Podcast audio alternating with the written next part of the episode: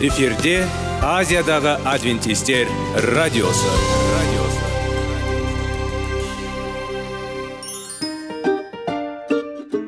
Сәлем достар. Денсаулық өмір бұлағы және біздің бірінші байлығымыз демекші денсаулық сағаты рубрикасына қош келдіңіздер. Біздің рубрикада біз әртүрлі факторларменен мәліметтерменен кеңестерменен бөлісіп шын жүректен сіздердің дендеріңіз сау болғанын қалаймыз. Сол үшін біздің рубрикаға қош келдіңіздер. Дайындалып тұрыңыздар. Өйткені келесі минуттарда қызықты фактілерге ие боласыздар. Енді достар ең бірінші байлығымызды қолымызға алып алға кеттік.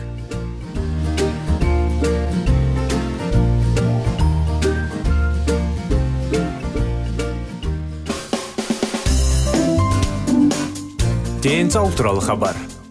Денсаулықтың ашылуы. Күн сайын сөз үшін күшті кеңестер соңғы жаңалықтар қызықты факторлар. Біздің рубрикада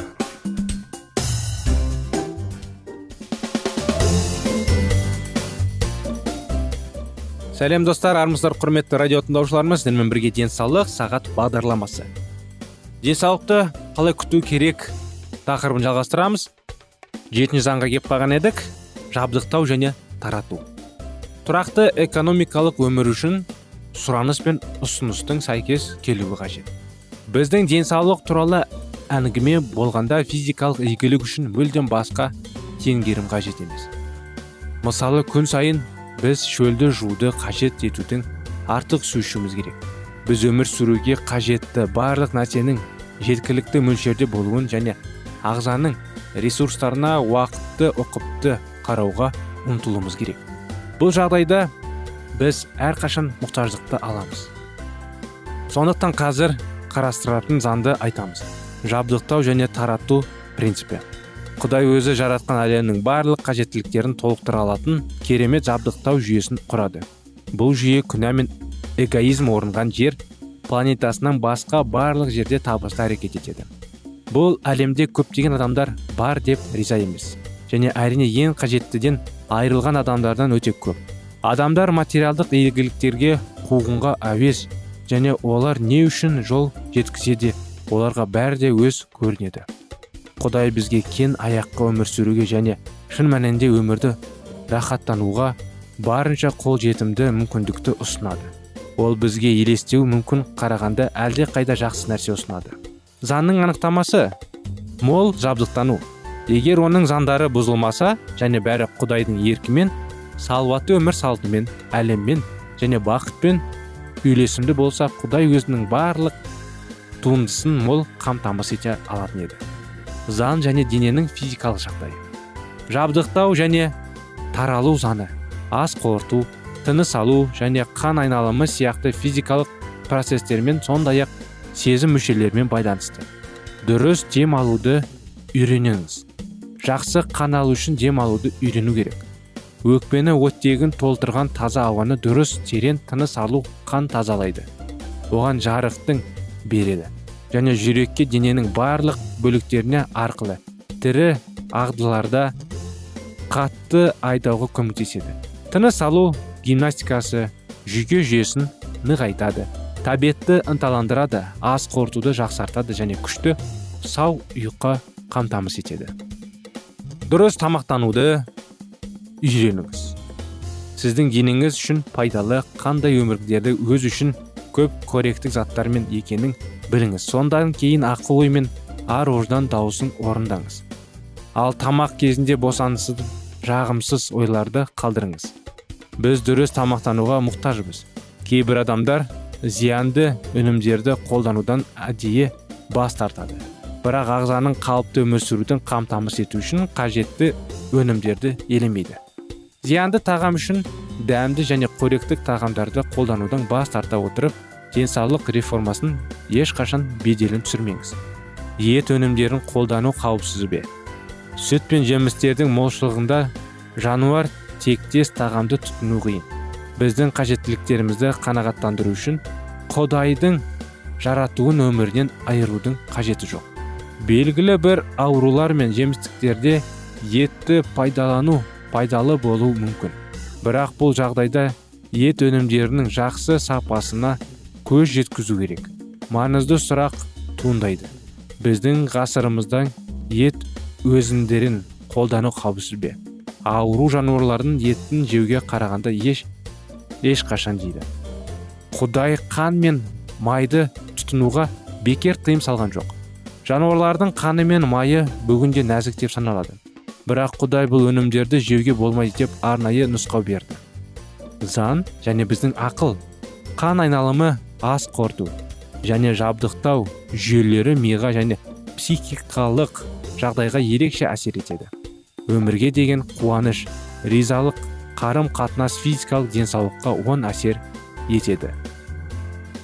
Ми және денсаулық ми бүкіл дененің бақылайды ағзаның басқа бөліктерінің қалыпты жұмыс істеуі үшін сау ми қажет. Қант мидың қызметін тежейді қант асқазан үшін зиянды. Себебі ашту тудырады. Сондай ақ ол миға зиянды әсер етеді және адамды теңдесі жоқ деді. Пессимизм ас қорытуға кедергі жасайды. Қайғылы көңіл күй қан тамырларда қан айналымын әлсіретеді және жүйке жүйесін тежейді. Әлсіздік ас қорыту және тамақтану процесіне кедергі жасайды. Заң және қоғамдық өмір. Біздің қоғамдық өміріміз жиі орындықтармен байланысты. Бұл диетаны ұстануға және кешкі уақытты жеуге тырыстандар үшін елеулі азғырып. Қоғам дәуірлерін ұстану әрқашан пайдалы емес. Ағзаға жақсы әсер ететін азық түліктерді таңдап оны дамыту үшін қажетті микроэлементтермен қамтамасыз етіңіз. Есіңізде болсын. Тәбет әрқашан жақсы сенесше болмайды. Сондай ақ қоғам дәстүрлерін ұстану қауіпсіз емес. Көп таралған аурулар жиі тамақтануға қатысты қате түсініктердің нәтижесінде пайда болды. Қарапайым әдеттер қоғамды молшылыққа әкелуі мүмкін. Егер бүгін адамдар қарапайым өмір салтын жүргізіп табиғат заңдарымен үйлесімде өмір сүрсе онда адам отбасының барлық мұқтаждықтары бұрыннан қамтамасыз етілген еді. Ал егер де құдай үшін куәлік құдайға кез келген жұмыс істеу мүмкіндік аз болса онда көп болар еді. Заң және рухани өмір. Өкінішке орай көптеген адамдар тамақтануға әдетте рухани физикалық және психикалық денсаулыққа қаншалық әсер ететінін түсінбейді. Жақсы дайындалған тағам біздің рухани жағдайымызға әсер етеді. Физикалық және адамгершілік табиғат арасындағы байланыс. Адам өмірінің физикалық және адамгершілік салалары арасында тығыз байланыс бар. Адамның әдеті оның адамгершілік деңгейін анықтайды. Рахмет бізбен болғандарыңызға. Бүгінгі күнде құрметті достар осымен бағдарламамыз аяғына келіп жетті. Жалғасында сіздерге келесі тақырыпқа шақырамыз. Келесі жолға дейін сау саламат болыңыздар.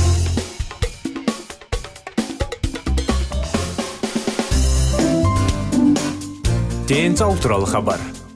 Денсаулықтың ашылуы күн сайын сөз үшін күшті кеңестер соңғы жаңалықтар қызықты факторлар біздің рубрикада.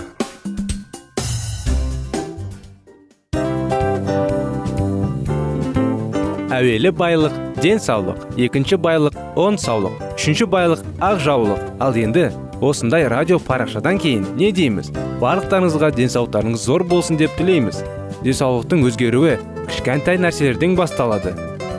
Осымен біз берген кеңестер мен мәліметтер шын жүректен сіздер үшін қандай да бір болсын жәрдем берді деп үміттенеміз.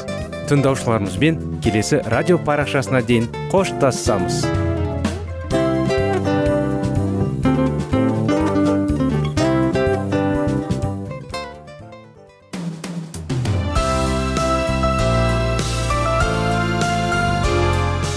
эфирде азиядағы адвентистер радиосы. Радиосы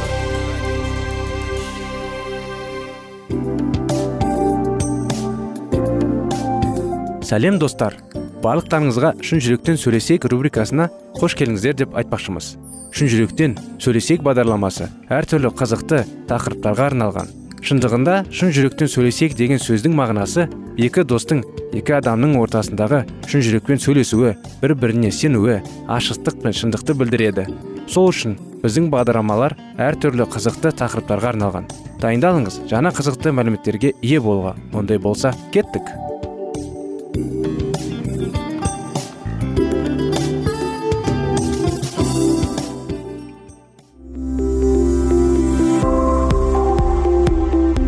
Алтын сөздер. Сырласу қарым қатынас жайлы кеңестер мен қызықты тақырыптар. Шын жүректен сөйлесейік рубрикасында.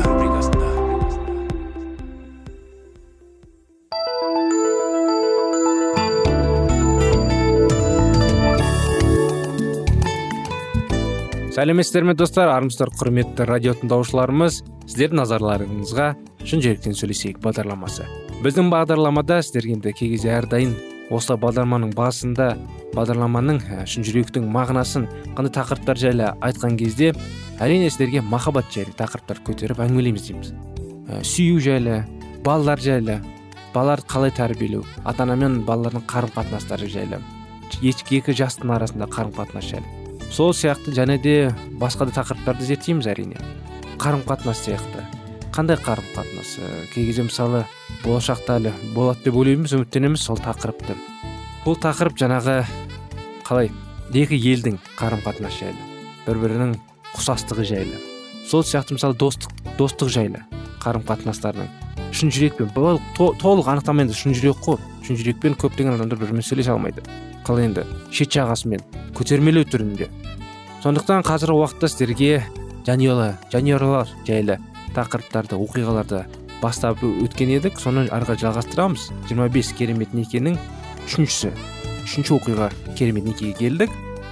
Ол оны тиршат деп атайды дейді. Чарльз сьюзи сперджен не тапты сьюзи? Томсон бұл төмен толық және бір онша емес жас адамды ол білімі мен шығу тегімен ерекшеленді. Ал бұл ауылдық дұрыс киініп қоғамдық қалай ұстай алмады. Кездесу тағайындай отырып ол оны уағыз таңдауға шақырды. Ал бір күні ол мүлдем ұмытып оны қатысуды. Олардың бірігінің неке қиюларының әрен жоқ. Растары қалай енді бұзуға жоқ деді. Бірақ бәрі күмән жоқ. Мұның бәрі оның үйлену тойынан кейін басталған сынақтарға дайындады. Чарльз өзінің уағызшыл пасторлық міндеттеріне соншалықты батырылды. Бұл жексенбі жаңағы мәсіхшіл шіркеуінде күні таңертең ол қолын созып былай деді. Қайырлы таң мадам сіз қалай үйленесіз өмірде алғаш рет оны көргенде чарльз хэддон сперджен уағызшылар арасында ерекше киелі кітапты өз бауларында шынайы тірі еткен жарқын және батыл мінез тіпті лондондық мереке бойынша олжа болған жоқ. Бірақ сьюзи оны жақсы көрді. Және неке оның тамаша және берік одағы болу үшін бәрін жасады ол оны сьюзи деп атады. Ал ол оны қалжыңдап тиршта деп жазбадан шыққан парсы сөзін құрметті деп атады. Сьюзи тиршата ең жақсы жаңалық болды деп шешті. Оны аса мәртебелі деп атаған кезде ұнатпайды. Тиршат. Ғасырдың ең ұлы уағызшысы болды. Ол колледж жетім балалар баспанасын қарттар үйін құрды. Журнал шығарды және жүз қырық кітап жазды. Бір нәрсе болды және сьюзи. Ол халықаралық кітап қорын ұйымдастырды. Ол арқылы жыл сайын мыңдаған басылымдар мұқтаж дін қызметкерлеріне көмектескен пасторларға көмек көрсету қоры және кедейлерге арналған асхана таратылды ол екі ұл тәрбиелеп чарльзге оның зерттеуінде көмектесті және қандай да бір жолмен осы екі көрнекті және жалпы өте түрлі адамдардың некесі өте бақытты болды қандай чарльз перджен нью парк көшелесіндегі лондон шіркеу кенетінен пастор болуды ұсынды. Чарльз тек оны тоғыз болды және ол семинарияда ешқашан оқыған жоқ. Ал бұл шіркеу лондондағы тәуелсіз англикан емес шіркеулердің ішіндегі ең ықпалды шіркеулердің бірі болды. Кем дегенде бұрын болды. Бірақ соңғы бірнеше жылда шіркеудегі істер нашар және нашар болды. Шіркеу 1200 адамды сыйдыра алды. Бірақ жексенбіде дегендей жаңа негізгі қауымда онда 80 жүзден артық емес болды. Шіркеудің екі диаконы оларға жағдайды өзгертуге қабілетті жігерлі жас адам қажет екенін түсінді. Сонда келді оларға ой жазу чарльзға жас жын емес раджунжай бірақ тартымды қызметті ол бастан көптен. Ол лондонның солтүстік шығысқа қарай 75 мильді өте кішкентай қалада дүниеге келді. Оның әкесі кішкентай қызметкер болды. Ал демалыс күндер конгрессионалистер шіркеуінде діни қызметкер міндетін атқарды. Оның анасы 19 жаста. Чарльз дүниеге келгенде 16 бала туды оның тоғызы балалық шағында қайтыс болды. Ата анасы өте кедей болғандықтан чарльз өзінің алғашқы алты жылын әжесімен бірге өткізді. Атасы да діни қызметкер конгрегационалист болғандықтан ол чарльзге қатты әсер етті. Әже оған айзек олстік әрбір оқыған әнұраны үшін пенни беруге уәде берді. Және ол оларды әжесіне сайқыны қарты деңгейін дейін төмендетуге тура келді. Чарльз ата ана үйіне қайтып келгенде оған жақсы білім берді. Ол қабілетті оқушы еді. Оның ағасы чарльз үнемі айналысты. Мен қояндарды балапандарды торайлар мен құлдарды ұстандым құлындарды. Ол үнемі қолында кітапты ұста тұрды.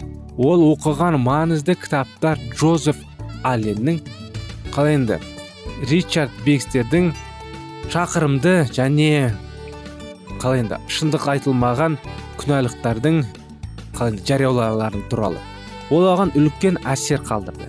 Бес жылғы жуық ол оның жаны сақталған немесе жоқ туралы ойлады. Ол естіген уағыздар мен дұға тек осы ішкі күресті күшейтеді. Кейінірек ол балаларға көп нәрсені ата анасынан жасырады. Менімен де солай болды.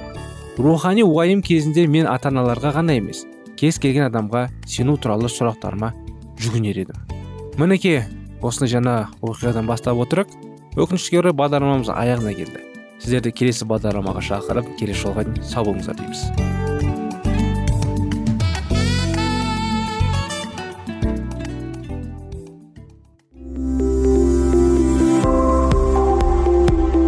Алтын сөздер. Сырласу. Қарым қатынас жайлы кеңестер мен қызықты тақырыптар. Шын жүректен сөйлесейік рубрикасында.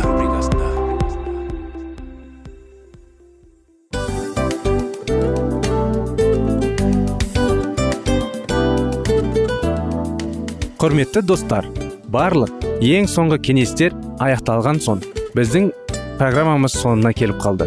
Осы біздің мәліметтер осы рубрикада айтылған әрбір сөздер сіздерге өзінің қандай да бір пайдасын алып келді деп шын жүректен сенеміз. Және бұдан да көптеген рубрикаларымыз бар. Басқа рубрикаларымызда біздің зерттеулерімізде сіздер үшін тағы да қызықты мәліметтер дайын. Біздің шын жүректен сөйлесейік парақшамызда көптеген әдістер ең соңғы кеңестер адамның нравственность жақтан моральдық жақтан тазалап байыта тұрған соңғы кеңестердің барлығын жанарады. Сондықтан алдыңғы күндерде бізбен бірге болыңыздар. Өйткені барлық қызықтар алдыда. Бізбенен бірге болғандарыңызға үлкен рахмет. Келесі кездескенімізше сау сәлемет болыңыздар.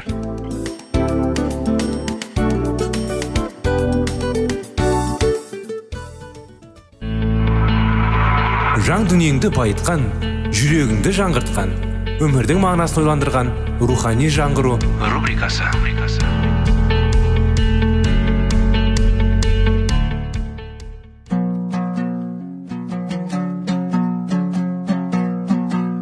Ассалаумағалейкум біздің тыңдаушыларымыз келі кітаптың шындығын ашып берген қысқа бағдарламасына қош келдіңіздер.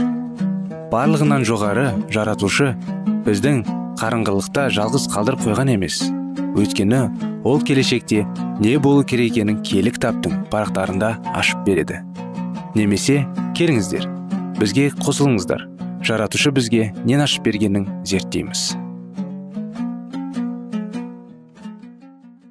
Англия шіркеуінің мүшелері ретінде олар құдайға қызмет ету рәсімін көп көңілдерін бөлді.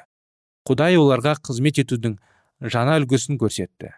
Киелі рух оларды мәсіхтің айқыш ағашының мәнісін зерттеуге талпындырды. Алла барлық істе оларға көмекші болды. Тәлімгерлерінің сөздерінің ақиқат екенін ұққан халық айтулы хабарды қуанышпен қарсы алды. Шыныменен де бұл үйір қасқырлардың шабуынан қорғануға мұқтаж болатын. Уэсли басқа қауым құрам деген ойда болған жоқ. Керісінше сенімдігілерді методистермен біріктіріп бір қауым еткісі келді. Бұл ақиқатты уағыздаушылармен мемлекеттік шіркеу шайқасқа түсті. Құдайдың даналығының арқасында реформа шіркеудің өзінен басталды. Сырттан келгендерге мұнаша өзгеріс енгізу мүмкін емес еді. Айтулы өзгертулерді енгізген шіркеудің тәлімгерлері болғандықтан ақиқат кенінен етек жайып тарай бастады. Дүние ұстаздар қолдарын байлап тұрған рухани тұсақты ағытып тастап шындық жолдың құлшына еңбектенді нысаншылдық пен формализм жарақаттанған шіркеу енді жаңа өмірге оянды. Уэслидің заманында бұрынғы ғасырлағыдай құдайға қызмет еткендер дарынды адамдар болды.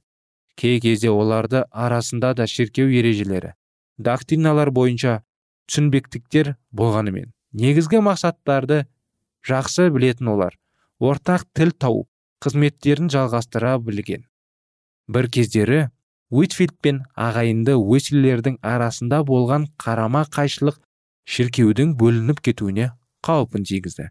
бірақ исаның мектебінен тәлім алып момындыққа тәрбиеленген олар күнәқар жандырды мәңгілік өлімінен құтқару үшін аралындағы алаусыздықтарын ұмытып еңбектерін жалғастырды.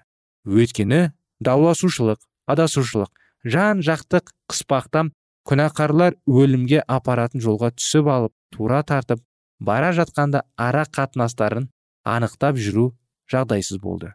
Аз уақыттан соң құдайдың қалаулы қызметкерлері тіккенді жолға тап болды. Оларға әртүрлі білімді өтімді адамдар қарсы шықты.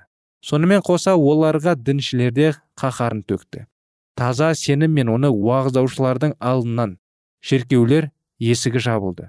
Зұлымдық көшбасшылары бұларға қарсы имансыз надан адамдардың жауыздығын қоздырып сол аталғандар шынайы сенетіндерді мінбелердің келеке мазақ етті. Неше рет олардың бастарына қауіп төнді. Джон уэсли алланың мейірімінің арқасында талай рет өлімнен қалды. Бірде олар ызалы қара тобырдың арасында түсіп қалған кезінде адам бейнесіне сенген періште оны құтқарып алды. Сөйтіп исаның жауынгері қауіпті жерден зиянсыз шықты. Осындай көздердің бірін еске ала отырып ол мен тағайнақ жотамен түсіп келе жатқанымда қуғыншыларым мені талай шалым құлтатпақ болды. Бірақ мен құлаған былай тұрсын тағайындаған да жоқпын. Жұлқылауға түскен кезімде қалтам жыртылды ал екінші ақшасы бар қалтам жартылай ғана жыртылды. Ал тапсадай біреу қолындағы сойылып неше рет жұмсағанымен сойыл мені жанап өтіп қана отырды. Алдымнан шыға келген біреу маңдайдан соққысы келді еді. Қолы жөнді жетпеді. Тек қана қана өтті. Манынан шашы жеткен жұмсақ деді сонда ол осы айтылған баскесерлер солардың бірі аюмен түрескен балуан болатын. Кейін маған деген көзқарасын өзгертті. Құдай бізді әр түрлі сынақтардан өткізіп шындайды сенімімізді нығайтады. Осыдан екі жыл бұрын үстінен түскен кірпіш оның иығын жарақаттады. Ал бір жылдан соң біреу таспен соғып кеңсіргін сындырды. Бір ай бұрын ол тағы да қатты соққыға ұшырады. Ал бүгінгі кеште ондай таяқты екі рет жеді. Әуелі қалаға кірер кезде сонан соң одан шыққан кезде. Енгезердей бір еркек оны кеудесінен соқты. Ал екіншісі аузынан қойып салды. Сол ақ екен қан мұрнынан судай ақты. Жеген соққысы ауыр болды. Бірақ қаншалықты дәрежеде екенін ол тіпті сезбеді де. Алғашқы жылдары методистер мен құдайға қызмет етіп жүргендер. Кәпәрлерден ғана соққы жеп қоймай. Шіркеудің мүшелерінен де көп жаза көрді. Олар сотқа тартылып және оларға неше түрлі үкім шығарылды. Бұларын сот деп атауды қиын. Нағыз озбырлық десе тұра болар. Себебі бұл жерде әділдік деген өте сирек кездесетін қонақ болатын. Бейшаралардың үйлерін сындырып мүліктерін қиратып өздерін сойылдақ астына алатын. Кей кездері осы мақсатталардың өтілетін жері жері мен уақыты белгілеген жарнамалар алдын ала ілініп жазулашылар халықты сол жерлерге әдейілеп жинап отырды. Ал жазаланушылардың жазғы халықты жаман жолдан тайдырып жақсы жолға түсіру мақсатында еңбектенгендердің ғана дұшпандарының таққан кінәларын джон уэсли кейбіреулер бұл ілімді қате санап ал оны қолдаушыларға фанаттар деп ат қойып оларды жеп көрді. Шын мәнінде бұлай деп кінә тағуға еш себеп жоқ. Себебі бұл ілім келі жазбаға қарама қайшы келмейді. Егер жазба ақиқат болса онда бұл ілім де ақиқат. Кейбіреулер бұл ілімді қатал деп санайды. Бұл жолды өте тар деп есептейді. Методистерге тағылатын жалғыз кінә осы. Бірақ мәсіх иса мен оның елшілерінің жолына тарылтқан методистер ме екен? Олардың ілімі келі кітапта жазылған заңнан қатал ма екен? Айта келсек құдайдың бар жүрегімен жан тәніммен бар пәрменімен жақсы көр. Адам аузынан шыққан сөзі үшін қиямет күні жауап береді. Ішсең де жесең де немесе басқа бір істесең де барлығы алланың мадақтап тұру керек делінген бе? Егер олардың ілімі осы айталған нақыл сөздерден өзгеше болса бір жөн бірақ олай емес екенің бәріне де белгілі. Құдай сөзін өзгертпей соған жаңалықтар енгізуге бола ма? Қасиетті қазынаның бірі сөзін өзгерткен құдайдың құпиясының күзетшісін сенімін деп атауға бола ма? Әрине жоқ. Ол бұл жазуға ештеңе қоса да алып тастай да алмайды.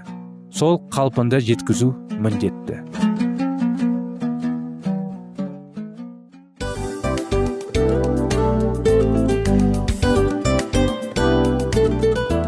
Достар біздің радио парақшамыз өзінің соңына келіп те қалды. Демек бұл программамыздың қорытындысын айта кету керек. Негізі істің басталып жатқанын қуанту керек пе? Әлде оның қорытындысы қуанту керек пе? Сіздер қалай ойлайсыздар?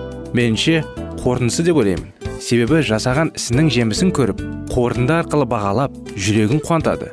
Баяғыда айтқандай бидайды сепкенде емес бидайдың жемісін жинаған кейін ыстық нанды жегенде кәдімгідей рахаттанасың ғой. Осымен біздің бағдарламамыздың аяғында тыңдаушыларымыз қандай пайда алды екен деген ойдамыз. Егерде өткен сфераларда пайдалы кеңес алған болсаңыз біз өзіміздің мақсатымызға жеткеніміз. Бүгінгі 24 сағаттың алтындай жарты сағатын бізге бөліп ардағаныңыз үшін рахмет. Келесі кездескенімізше қош сау болыңыздар. Достар біздің бағдарлама бойынша сұрақтарыңыз болса әрине сіздерге керекті анықтама керек болса біздің whatsapp нөмірімізге хабарлассаңыздар болады. Плюс бір үш жүз бір жеті жүз алпыс алпыс жетпіс. Иә достар сіздер қателеспедіңіздер бұл біздің номерлерге ұқсас болмаса да бұл whatsapp номер арнайы. Хабарласыңыздар сұрақтарыңызды қойып тұрыңыздар. Анықтаманы алып тұрыңыздар. Плюс бір үш жүз бір жеті жүз алпыс алпыс жетпіс whatsapp номері.